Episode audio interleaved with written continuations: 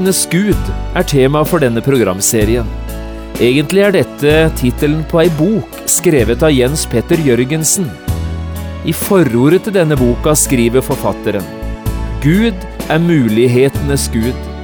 Det betyr at dersom vi oppdager Hans makt og muligheter midt i vår fortvilelse og avmakt, ville livet bli mye rikere for oss. Utrolig fint sagt.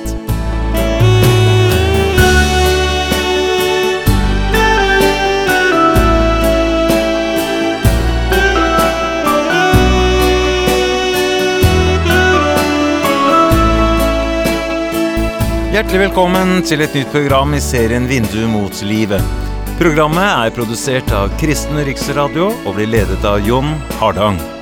Kristen Riksradio drives av frivillige gaver. Vi er glade for din støtte.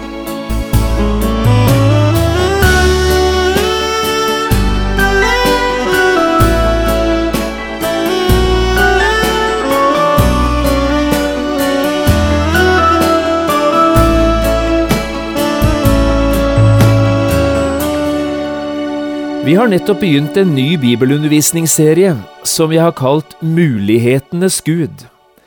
I denne programserien skal vi ikke løfte fram et bestemt bibelsk skrift, men heller forsøke å løfte fram Bibelens Gud, og i denne sammenhengen også de fantastiske mulighetene som åpner seg for de menneskene som vil leve sitt liv i samfunn med denne Gud, mulighetenes Gud. Du kan få kjøpt hele programserien på CD ved å henvende deg til oss her i P7 Kristen Riksradio.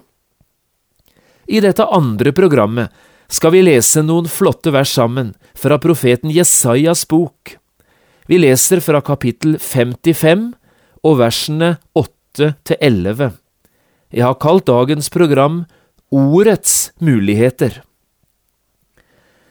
For mine tanker er ikke deres tanker og deres veier er ikke mine veier, sier Herren. For som himmelen er høyere enn jorden, slik er mine veier høyere enn deres veier, og mine tanker høyere enn deres tanker. Ja, like som regnet og snøen faller ned fra himmelen og ikke vender tilbake dit, men vanner jorden og får den til å bære og gro, så den gir såkorn til såmannen og brød til den som eter. Slik skal mitt ord være, det som går ut av min munn.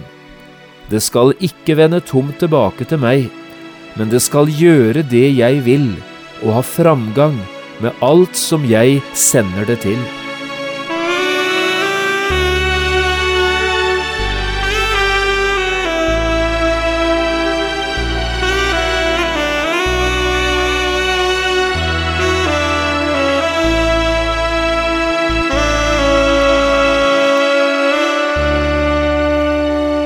Jeg vet jeg har fortalt det på radioen tidligere, men i dag har jeg lyst til å fortelle det enda en gang. Denne historien fra Etiopia, som passer så utrolig godt inn med det vi har for oss i denne undervisningsserien om mulighetenes Gud. Hør på dette. I en kristen ukeavis sto det for en del år siden fortalt om noe som skjedde i Etiopia. En del kristne i dette landet søkte de kommunistiske myndighetene om tillatelse til å lage det vi i Norge kaller en dagsordkalender, altså en ordinær årskalender der det for hver dato var skrevet inn ett bibelord. Det gikk en del tid fra søknaden ble skrevet til svaret fra myndighetene kom. Men svaret, det var positivt. Jo, sto det, de kristne skulle få lov til å lage en slik dagsordkalender, men det var én begrensning. De fikk bare tillatelse til å skrive bibelordene på søndager, altså de kristnes hellige dag. Dette ble respektert, kalenderen ble laget og brukt. Men neste år ville disse etiopiske kristne gjøre det samme. Når de imidlertid nå søkte myndigheten om tillatelse til å lage en ny kalender, kom svaret meget raskt tilbake. Det lød på blankt avslag. Og i begrunnelsen for dette avslaget, Der sto det noe litt spesielt. Blant annet sto det slik. Disse bibelordene ligner små prosjektiler. De trenger seg inn i folk og blir ikke uten virkning.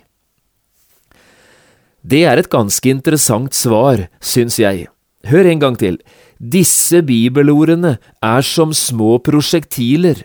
De trenger seg inn i folk og blir ikke uten virkning. Det kan se ut som disse kommunistiske myndighetene i Etiopia hadde gjort noen erfaringer av kraften i Guds ord, siden de nå svarte slik de gjorde det. Ja, det er nesten som de bekrefter de ordene vi leste fra Bibelen, om Bibelen, i begynnelsen av dagens program. Her leste vi jo nettopp dette om ordet som går ut fra Guds munn. Det skal ikke vende tomt tilbake til meg, men det skal gjøre det jeg vil, og ha framgang med alt det jeg sender det til. Slik sto det her i vers 11 om Guds levende og livgivende ord. Vi skal altså snakke om mulighetenes Gud i denne programserien, og jeg tror ikke det går an å gjøre det uten først å snakke om Guds ord, det som er gitt oss i Bibelen. Mulighetenes Gud har nemlig talt, og dette mulighetenes budskap, dette mulighetenes ord, er altså gitt oss i denne helt spesielle boka, i Bibelen. Hvis du og jeg virkelig hadde ant de mulighetene som ligger i dette ordet, ja, så hadde vi mye oftere gjort bruk av dette ordet, og det på en helt annen måte enn vi ofte gjør, både du og jeg. Vi hadde lest mye mer i Bibelen. Vi hadde praktisert i vårt eget liv på en helt annen konsekvent måte enn vi ofte gjør det. Og så hadde vi gitt dette ordet videre til andre med stor frimodighet til våre barn, vi hadde delt det med våre naboer og løftet det fram som det viktigste av alt i det kristne fellesskapet, Guds ord. Når Bibelen, mulighetenes ord, likevel har fått så liten plass, kanskje både i vårt eget liv og i den kristne forsamlingen, ja, så tror jeg det skyldes at vi ikke ser mulighetene som ligger i dette ordet. Vi har altfor liten tro på kraften og mulighetene i Guds ord, og derfor behandler vi det ofte så stemoderlig som vi også gjør det. Det er et stort behov i våre dager for å løfte fram kraften og mulighetene i Bibelen, Guds ord, og det er nettopp dette vi nå skal prøve å gjøre i fortsettelsen av dette programmet.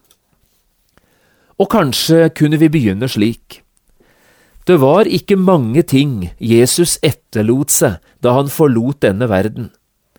Selv sa Jesus det slik, Revene har huler og himmelens fugler har reder, men menneskesønnen, han har ikke det han kan helle sitt hode til.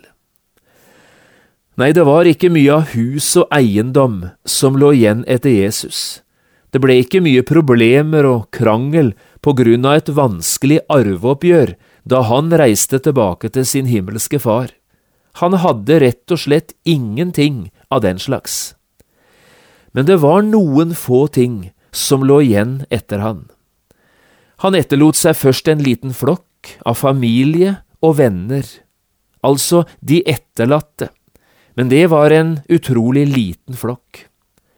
Så etterlot Jesus seg noen klær, en kappe og en kjortel, Kappen ble delt mellom fire romerske soldater ute på Golgata, og kjortelen den kastet de lodd om, samtidig som Jesus kjempet sin dødskamp.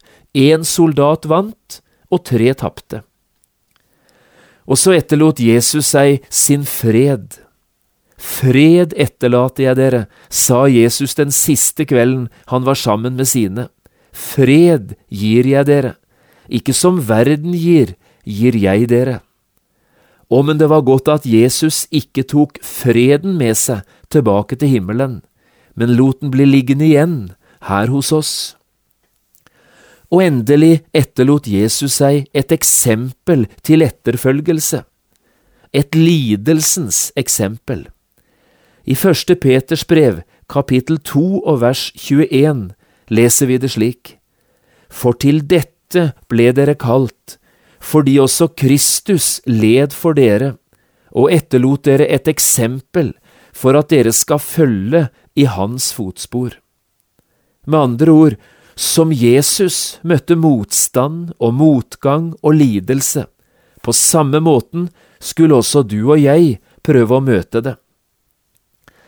Men Jesus etterlot seg én ting til. Han etterlot seg sitt ord, mulighetenes ord. Også det snakket Jesus litt om den siste kvelden han var sammen med sine, nemlig da han løftet sine øyne og sitt hjerte mot himmelen og ba til sin himmelske Far. Da sa Jesus, Jeg har gitt dem ditt ord. Hellige dem i sannheten.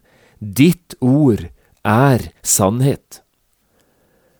Jeg har gitt dem ditt ord, sa Jesus. Ja, kunne vi tenke, men var det noe å gi dem? Kunne de ikke heller fått kraft? Jeg har gitt dem ditt ord, sa Jesus likevel, og Jesus, han visste hva han gjorde, for noe bedre enn dette kunne han ikke ha gitt oss. Sitt ord, mulighetenes ord, den levende Guds ord.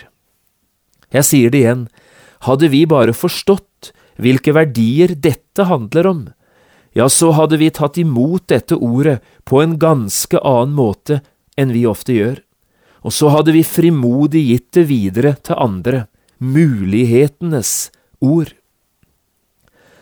Og det var altså dette mulighetenes ord vi leste om fra begynnelsen i dag, fra profeten Jesajas bok.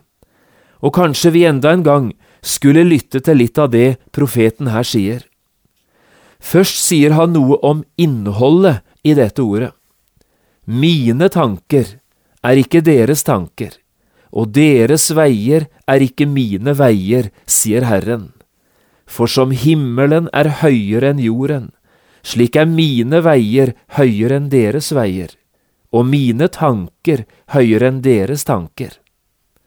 Sagt med andre ord, Guds tanker, hans planer og hans veier ligger på et høyere plan, på et helt annet nivå enn det du og jeg til daglig steller med. Og så fortsetter profeten Jesaja, og nå med å si noe om virkekraften, altså om de fantastiske mulighetene som finnes i dette ordet. Hør enda en gang hva Gud her sier. Ja, like som regnet og snøen faller ned fra himmelen, og ikke vender tilbake dit, men vanner jorden og får den til å bære og gro, så den gir såkorn til såmannen og brød til den som eter. Slik skal mitt ord være, det som går ut av min munn. Det skal ikke vende tomt tilbake til meg, men det skal gjøre det jeg vil og ha framgang med alt det som jeg sender det til. Bildene som her brukes, er egentlig ikke så vanskelig å forstå. De er hentet fra naturen. Regnet og snøen som faller ned fra himmelen, er jo livets og vekstens hemmelighet i denne verden. Uten regn eller vann er det ingenting som vokser og spirer og gror. Men hvis det er rikelig med vann og fuktighet, ja, så betyr det liv og vekst og til og med overflod. Men så bruker altså profeten dette bildet til å si noe stort og viktig om Guds ord. Og her har jeg lyst til å understreke to viktige ting. For det første, Guds ord er både mat til den sultne og såkorn til den som sår.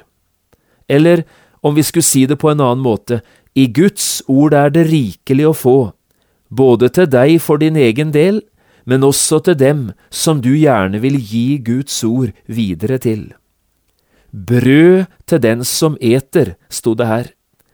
Det betyr at Gud i dette sitt ord har gitt deg alt det du trenger, både for dette livet og for det kommende. Derfor skal du ta til deg av Guds ord. Et av dette ordet hver dag, slik som du spiser brødmåltider og middag hver eneste dag. Og som maten gjør deg sunn og frisk, og gir deg styrke til liv og til arbeid. Slik skal Guds ord virke på ditt åndelige liv. Og det var det andre her, såkorn til såmannen. Dette er det samme som vi akkurat nå understreket. Det er så mange andre som har bruk for å få del i det livet som Gud har gitt deg. Og nå kan du få være med og dele dette livet, det du selv har fått, med disse som trenger det. Du kommer aldri til å bli fattig av å dele din egen rikdom med andre. Du vil bare bli enda rikere selv. Og i Guds kornkammer er det alltid rikelig med såkorn. Guds ord har alltid noe å si, alltid noe å gi til den som vil ta imot det. Så prøv å være frimodig, også du. Vær en såmann i dine nære omgivelser, i hjem, familie, i nabolag og på arbeidsplass. Du lever jo midt blant mennesker som mye mer enn de selv er klar over, har bruk for dette som bare Jesus kan gi. Men så er det i dette Jesaja-ordet også en annen, fin sannhet. Guds ord sammenlignes både med regnet og med snøen. At Guds ords virkninger kan sammenlignes med de virkningene som regnet har på jorden, det er noe vi lett forstår, og vi har jo allerede sagt litt om det. Men hva betyr det når profeten her sammenligner Guds ord med snøen? Jeg er sikker på at du ofte har hørt andakter om regnet, og at Guds ord er som et slikt himmelsk regn. Men hvor ofte har du hørt andakter som forteller at Guds ord er som snøen? Det tror jeg er langt sjeldnere varer, og det syns jeg på en måte er synd, for også her ligger en dyp og trøsterik sannhet. Snøen, den hører jo vinteren til, og den tida da fryser elver og vann til, jorda blir stiv på grunn av telefrost. Snøen som faller på vinteren, den blir ofte liggende oppå et isbelagt vann, eller kanskje oppå en frossen og uimottagelig jord. Snøen har tilsynelatende ingen virkning på jorden. Den bare ligger der, på en kald og ugjennomtrengelig grunn, til lite og ingen nytte. Med dette som bakgrunn har jeg lyst til å stille deg som nå hører et par spørsmål. Du som er mor og far, eller bestemor og bestefar. Du har lært dine barn og barnebarn om Jesus, ikke sant? Du har lært dem barnesangene, Jesusfortellingene, og du har lært dem å be. La meg få spørre, hvordan gikk det med barna dine, eller barnebarna? Er de blitt kristne, alle disse som du har gitt Guds ord? Har ordet om Jesus hatt sin umiddelbare virkning? Er de frelste mennesker i dag? Eller du som har vært søndagsskolelærer i årevis, eller barnekorleder og barnelagsleder. Eller kanskje du som var kristendomslærer på skolen, eller konfirmantlærer i menigheten. Hvordan gikk det med alle dem som du har undervist, eller disse som du var leder for? Er de blitt kristne, alle sammen? Alle disse som du lærte Jesus å kjenne? Har Guds ord virket på dem, så alle sammen i dag er frelste mennesker? Nei, her vet jeg det er stor forskjell. Noen opplever å få se mange av sine egne gi livet sitt til Jesus. Barn og ungdommen har vært leder for, jo, i dag følger de Jesus. Men andre, de har ikke fått oppleve dette. De har fremdeles ufrelste barn og barnebarn og stadig møter de mennesker i voksen alder som de var leder for i barneår eller i ungdomstida. Men de har valgt et helt annet liv og en helt annen vei å gå enn det å følge Jesus. Du som hører til blant de sistnevnte, jeg tror jeg vet litt hva du ofte har tenkt. Hva galt har jeg gjort? Hvorfor får ikke jeg mine med på himmelveien?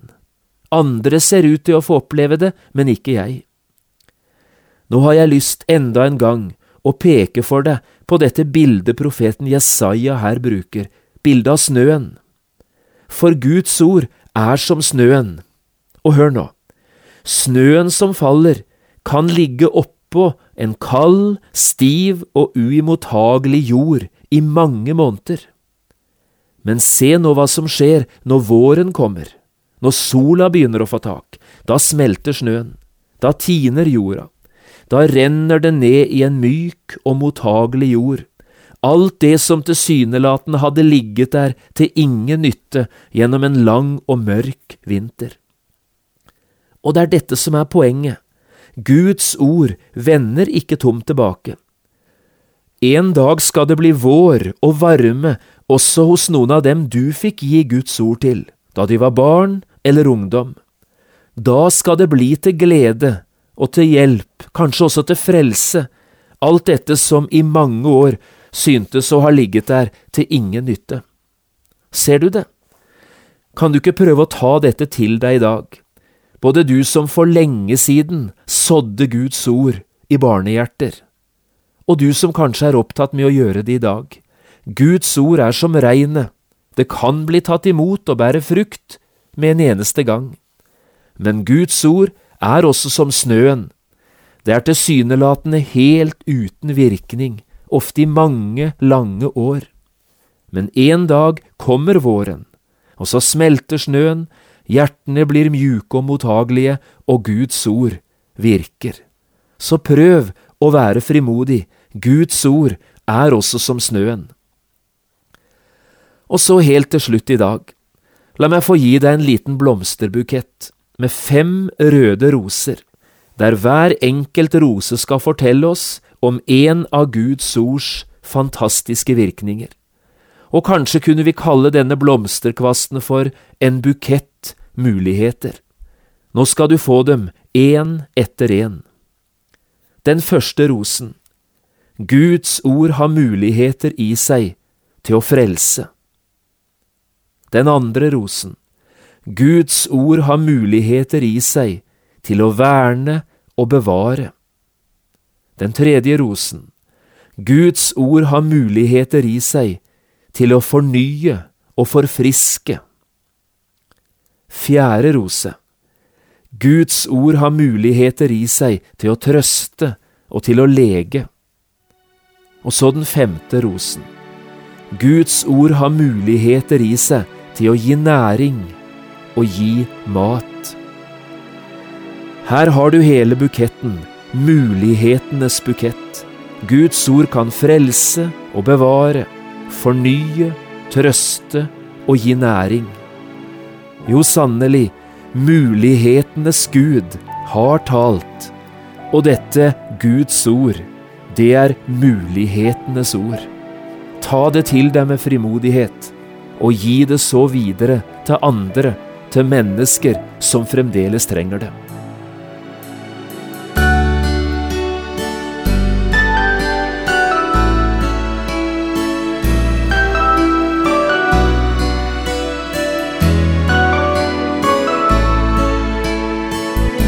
Du har lyttet til programmet serien Vindu mot livet med John Hardang.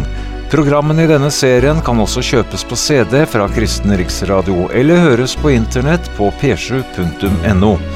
Har du spørsmål eller kommentarer til det du nå har hørt, kan du ta kontakt med oss. Adressen er Kristen Riksradio, Skiene 2, 5353 Straume. Eller send en e-post vml alfakrøll p7.no. Takk for i dag, og på gjenhør.